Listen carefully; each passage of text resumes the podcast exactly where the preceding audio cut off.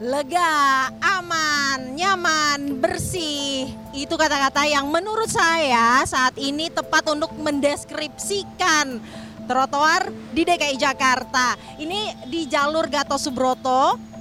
Trotoarnya sudah direvitalisasi, nggak hanya di sini, di berbagai ruas jalan di DKI Jakarta, eh, apalagi di jalan-jalan protokolnya, ini memang sudah diperlebar trotoarnya sudah direvitalisasi jadi para pejalan kaki bisa berjalan kaki dengan aman dan nyaman.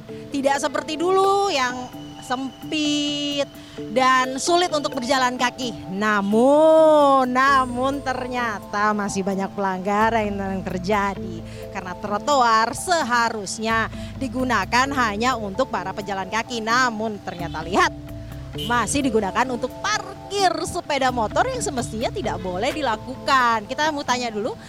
Permisi Pak, Bapak biasa mangkal di sini nggak Pak? Uh, kalau di sini ada dishub, di situ ada polisi, pernah ditegur nggak Pak? Tegur, tegur. Iya. Tapi tetap dibiarkan ada di sini. Enggak tegur ya. Nah, kenapa Bapak memilih tetap ada di sini padahal tahu uh, nggak boleh? Tahu nggak tapi nggak boleh Pak? Ya? Tahu nggak boleh. Tapi kenapa tetap memilih untuk mangkal di sini Pak? Udah biar gimana ya? Tempatnya enak, adem. Lain kali jangan mangkal di sini ya Pak ya, kan kesian yang jalan kaki nanti susah.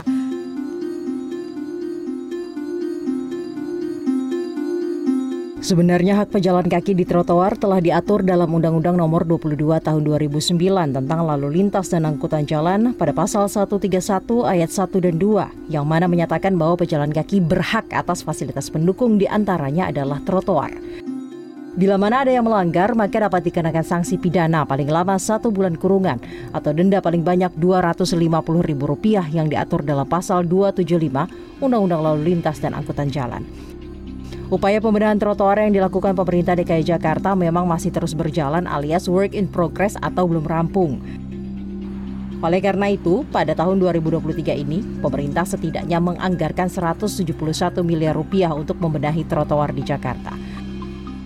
Menurut Kepala Dinas Bina Marga DKI Jakarta, target pemerintah tidak sekedar membenahi trotoar, namun membangun kawasan yang terintegrasi sehingga tersambung antara fasilitas trotoar dengan fasilitas publik lainnya seperti transportasi publik.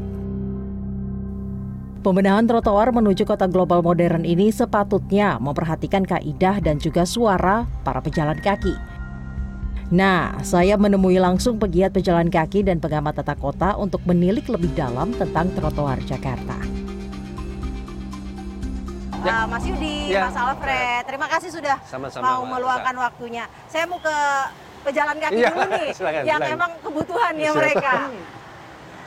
Tanggapannya Mas Alfred, revitalisasi setidaknya sudah 30 persen dikatakan ya. oleh uh, Pemprov DKI Jakarta ya. dari target 2.600 sekian. Ya. Ada perubahan yang sangat mendasar kah yang dirasakan hari-hari berjalan kaki? Ya, trotoar itu merupakan hak dasarnya para pejalan kaki. Ya. Uh, ibu kota atau mother city-nya Indonesia itu Jakarta bisa dijadikan sebagai benchmark untuk pembangunan trotoar di Jakarta yang sekarang ini sudah 30 km, uh, 30 persen dari dari target 2.600 km yang dijanjikan oleh Pemprov DKI Jakarta. Uh, kita melihat bahwa ini ada satu uh, bisa dijadikan role model ya, ya. untuk seluruh kota-kota di Indonesia. Namun ini masih banyak sekali PR karena targetnya masih banyak sekali. Membangun trotoar mungkin bagi orang bilang bahwa itu bagian dari beautifikasi, tapi itu adalah bagian dari peradaban kota. Jadi itu yang kami lihat ketika Jakarta cukup pasif di 6-5 tahun ke belakang kemarin gitu ya dengan membangun yang cukup uh, banyak sekali uh, trotoar namun masih banyak sekali PR dari mulai bagaimana membangun behaviornya masyarakat ya bagaimana tertib di jalan raya, para pengendara, pejalan kaki, pesepeda, pengguna uh, kendaraan yang lain-lain. Aman dan nyaman sudah lebih baik, belum uh, benar-benar uh, 100% sudah lebih baik, ya. harus layak dan ramah juga. Kalau ya. dari uh, desain tata kota, oh, ya. sebenarnya seperti apa, Mas Yudi? Ya sebenarnya secara umum bisa diapresiasi lah. Kalau kita lihat mulai dari 20 tahun terakhir lah ya, pada waktu zamannya Pak Sutioso, Ya. kemudian Pak Fauzi Bowo kan punya program pedestrianisasi, ya kan? Terus kemudian dilanjutkan eh, Pak Jokowi dan Pak Ahok menyambut Asian Games kemarin, kemudian dengan dilanjutkan lagi oleh Pak Anies. Kalau saya melihat progresnya sangat signifikan penambahan trotoar. Ada tiga catatan kami. Yang pertama, akhirnya nih Jakarta mempunyai rencana induk jalur pejalan kaki. Ya, setelah 20 tahun itu Jakarta baru punya. Meskipun di kota-kota lain juga belum tentu sudah ada tuh Mbak ya. Tapi dengan adanya rencana induk jalur pejalan kaki, kita bisa mendapatkan harapan pada tahun sekian ya seluruh wilayah di Jakarta akan terbangun trotoarnya. Harapannya paling tidak situ. Itu pun juga akan diikuti dengan penataan bangunannya. Karena kalau kita bicara trotoar kan tidak bisa berdiri sendiri. Dia terkait dengan bangunan di sekitarnya, terkait dengan sistem transportasi kita, misalnya ada bis Transjakarta, ada MRT, ada LRT nanti gitu ya. Kemudian fasilitas yang disediakan jalan kaki ini kan juga sudah cukup dalam tanda petik mewah ya, dari lebarnya, keteduhannya, fasilitas untuk teman-teman disabilitas bahkan sedia kursi juga ya. Terus kemudian utilitas juga sudah mulai di bawah semua. Jadi ada progres yang menurut saya ini menjadi benchmark baru penataan trotoar di Jakarta dan juga tetap kemudian kota-kota di Indonesia, Mbak. Jadi ya sebenarnya Ya. apa yang dilakukan ini sudah sejalan Iya, betul. dengan eh, hak dasar para pejalan kaki tadi. Namun masih ada yang kurang nggak sebenarnya? Apalagi pemilihan eh, titik-titik yang menjadi prioritas Ya. pembangunan. Karena kan kalau kita lihat yang menjadi titik prioritas eh, jalan-jalan protokol. Ya. Namun jalan-jalan lain yang mungkin volume pejalan kakinya juga tinggi Ya, belum menjadi prioritas. Seperti Ya, apa kalau betul, dari betul. koalisi penjalan kaki? Jadi gini, eh, koalisi pejalan kaki di rencana induk fasilitas pejalan kaki ini merekomendasikan eh, jalur-jalur prioritas yang akan dibangun yang kami sampaikan itu adalah satu adalah yang berdekatan dengan eh, sekolah, Ya. kampus, pasar, gitu ya, eh, terminal, eh, dan juga tempat-tempat ibadah yang memang eh, di mana dalam kurun waktu ter- tertentu itu kalau pejalan kakinya kan harus difasilitasi Ya. yang cukup banyak dan Iya. dan itu harus terproteksi juga. Sinilah sebenarnya ketika bicara kota ini berpihaknya ke mana. ya. Jadi ketika bicara keberpihakan, ya antara pejalan kaki dan angkutan umum itu nggak bisa dipisah. Ya, betul. Ya. Karena ketika dia tidak terintegrasi, maka pejalan kaki akan susah dua kali. Ya, terutama bagi teman-teman yang tunanetra, kursi roda gitu ya, karena ada keterbatasan mereka untuk mendapatkan aksesibilitas, makanya jalan satu-satunya adalah bagaimana fasilitas trotoar ini itu harus dan wajib terintegrasi dengan public transportasi gedung gitu ya agar si trotoar ini komplit fungsinya gitu ya. Ya. Jadi tidak hanya untuk berjalan kaki. Nah, penataan Ya. penataannya sejauh ini apakah sudah eh, memperhatikan kaidah-kaidah Kalau tersebut? ditanyakan itu harusnya belum ya, jelas ya. Di sini kita bisa juga melihat nanti teman-teman masyarakat juga bisa langsung mengecek kembali bagaimana trotoar yang terbangun itu belum sepenuhnya terhubung dari transportasi publik baik itu halte, stasiun ataupun terminal ke tempat-tempat tujuan. Mulai dari sekolah tadi, kemudian perkantoran, pusat perbelanjaan, pasar, bahkan mungkin ke taman ya. Jadi ini PR besarnya di situ. Jadi belum terhubung secara bagus antara tempat dari tempat tujuan ke tempat tujuan akhir. Ya. Oke. Ini penting karena apa? Ini juga menjadi salah faktor kenapa trotoar belum banyak digunakan oleh masyarakat. Ya. Ada yang terputus ini Mas Hasan. Nah ini membuat orang akhirnya masih nyaman menggunakan kendaraan pribadi, terutama motor gitu ya, yang bisa mengantarkan warga dari pintu ke pintu. Sementara kalau kita menggunakan transportasi publik, bahkan harus jalan kaki di trotoar, itu masih terputus. Ya turun dari transportasi publik bingung saya mau jalan Iya, di mana betul. gitu betul. ya. Meskipun trotoarnya lebar ya, bagus, Iya. tapi ternyata begitu turun dari trans- transportasi publik, jalan di trotoar, tapi menuju ke tempat tujuan, itu sering kali terputus ya. Artinya terputus itu dalam gini, kondisi trotoarnya sangat uh, tidak nyaman, tidak aman, sehingga membahayakan pejalan kaki. Nah ini PR yang menurut saya juga harus segera di apa namanya diselesaikan, karena kalau tidak, sebagus apa pun trotoar yang dibangun seperti ini, kalau tidak terintegrasi dengan bangunan di sekitarnya, tetap akan membuat pejalan kaki berpikir ulang untuk menggunakan transportasi Karena publik salah, dan jalan kaki. salah satu tujuan yang dikatakan Ya. oleh pemerintah kenapa membuat eh, transportasi publik terus menganggarkan miliaran rupiah. Ya, betul. Ini agar eh, masyarakat mau menggunakan transportasi publik. Iya, ujungnya kan ke Demikian sana ya? kan Betul. gitu. Jadi anggaran yang dikeluarkan oleh Pemprov DKI ratusan miliar untuk membangun trotoar ini ada tiga kan. Satu harus mendorong warganya membangun budaya berjalan kaki. Kedua beralih menggunakan transportasi publik tadi. Yang ketiga harus ada konektivitas dan integrasi tadi. Kalau tidak, maka bisa dipastikan trotoar mahal yang sudah terbangun ini tidak akan banyak digunakan pejalan kaki. Kemudian yang kedua, pemerintah tidak berhasil mendorong orang beralih ke transportasi publik dalam jumlah besar.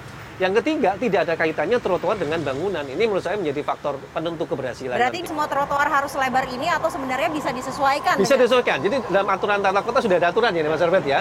Sesuai dengan misal lebar jalan ya. Semakin lebar jalannya tentu trotoar juga bisa semakin lebar kan. Oke. Tetapi kalau jalannya pun kecil, otomatis trotoarnya pun juga kecil. Tapi itu pun ada standar minimal, Mbak Sasha. Minimal trotoar itu antara satu setengah bahkan minimal paling nggak 2 meter ya. Minimal satu setengah hingga 2 meter. Iya, selain betul. itu, selain itu ada ada kriteria wajib apa lagi yang harus ada di trotoar?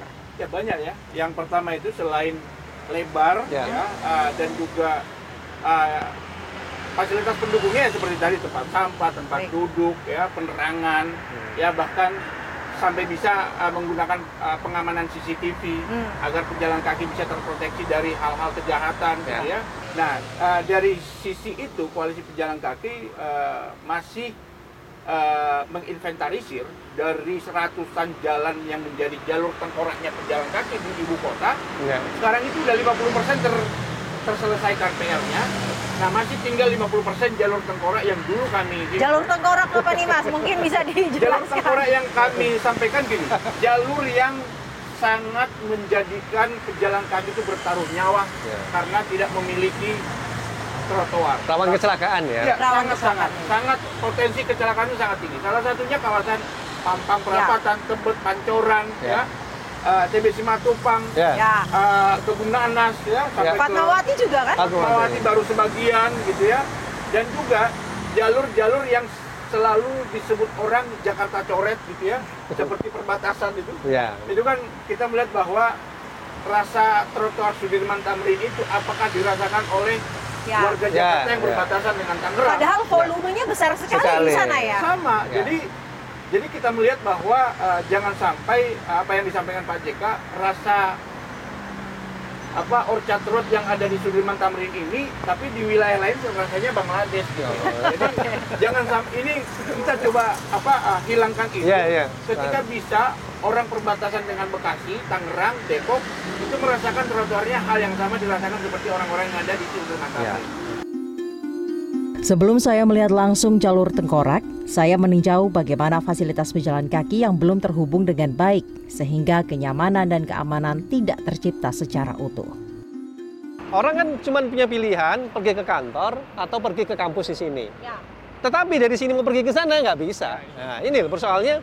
Padahal yang kita katakan ini supaya orang tidak bicara hanya beautifikasi, ya, kan? Kalau beautifikasi ya udah singgah raja aja yang bagusin, yang itu ini nggak usah gitu kan. Akibatnya jalan yang ada di sini itu tidak terwujud. Nah di sini kita bisa melihat tiga periode pembangunan trotoar ya. Periode yang di sini kita lihat periode di eranya tadi Pak Jokowi, Pak Ahok sama Pak Anies berhenti di sini. Nanti kita bisa melihat sisa pembangunan trotoar di eranya Pak Sutioso dan Pak Posibowo. Sisanya peninggalan sebelum zaman Pak Sutioso. Jadi dari situ sebenarnya kelihatan bagaimana sejak era-era gubernur eh, sebelumnya sudah ada rencana penataan trotoar tetapi tidak berkelanjutan. Gitu. Ini yang membuat akhirnya dalam tanda petik kenapa trotoar jalur pejalan kaki belum menjadi prioritas pembangunan DKI. Gitu. Jadi belum ada tadi yang Mbak Sasa bilang konektivitas ya. Orang turun dari sini mau ke sana misalnya terbukti tidak senyaman dan aman seperti ini.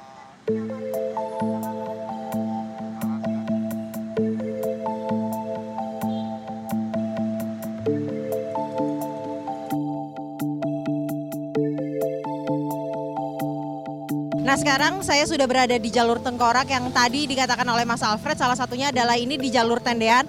Saya mau mengajak anda melihat di sana itu adalah eh, trotoar di jalur Gatot Subroto. Kita bisa lihat bahwa di sana kondisi trotoarnya sudah direvitalisasi sudah besar dan konektivitas yang tadi dikatakan adalah menjadi hal yang penting. Namun kita bisa lihat sendiri di sini.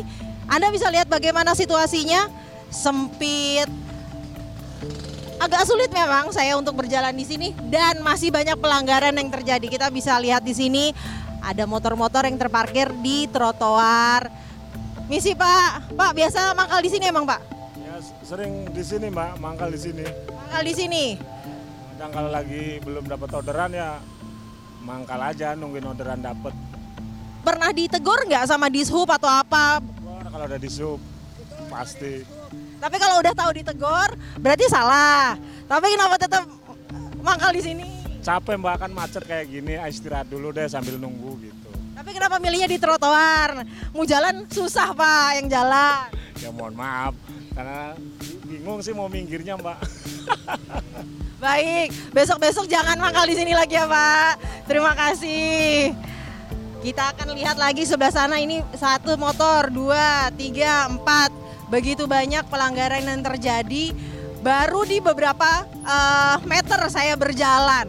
Jadi cukup sulit. Nanti saya juga mau eh, mencari pejalan kaki untuk tanya pengalamannya gimana kalau berjalan di trotoar yang belum direvitalisasi.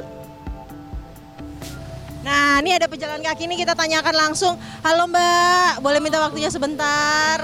Dengan Mbak siapa? Vina, Mbak Vina biasa jalan kaki di sini. ya biasa. Eh, pengalamannya gimana nih Mbak jal, eh, berjalan di trotoar di sini?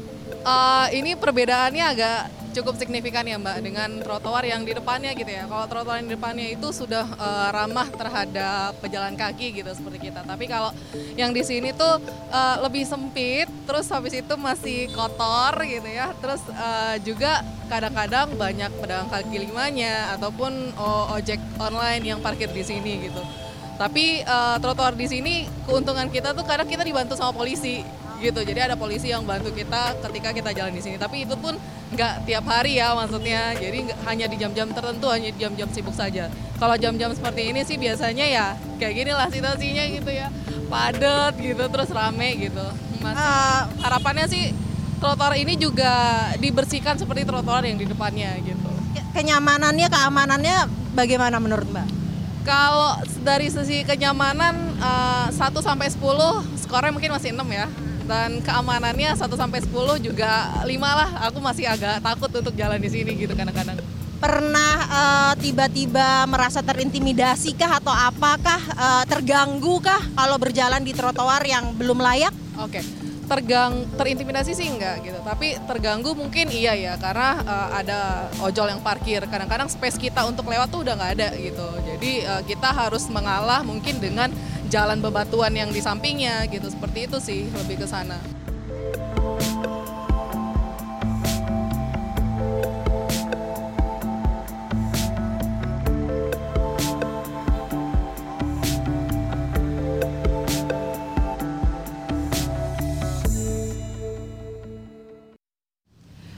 Revitalisasi trotoar di DKI Jakarta sudah sepatutnya dilakukan secara menyeluruh, tidak melulu hanya mengenai pembangunan fisiknya saja.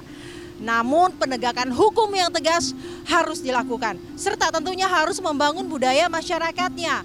Karena salah satu tujuan pembenahan trotoar di Jakarta adalah agar Jakarta menuju kota global yang modern. Yang mana salah satu ciri khasnya adalah ramah bagi para pejalan kaki. Dari Jakarta, tim liputan CNN Indonesia.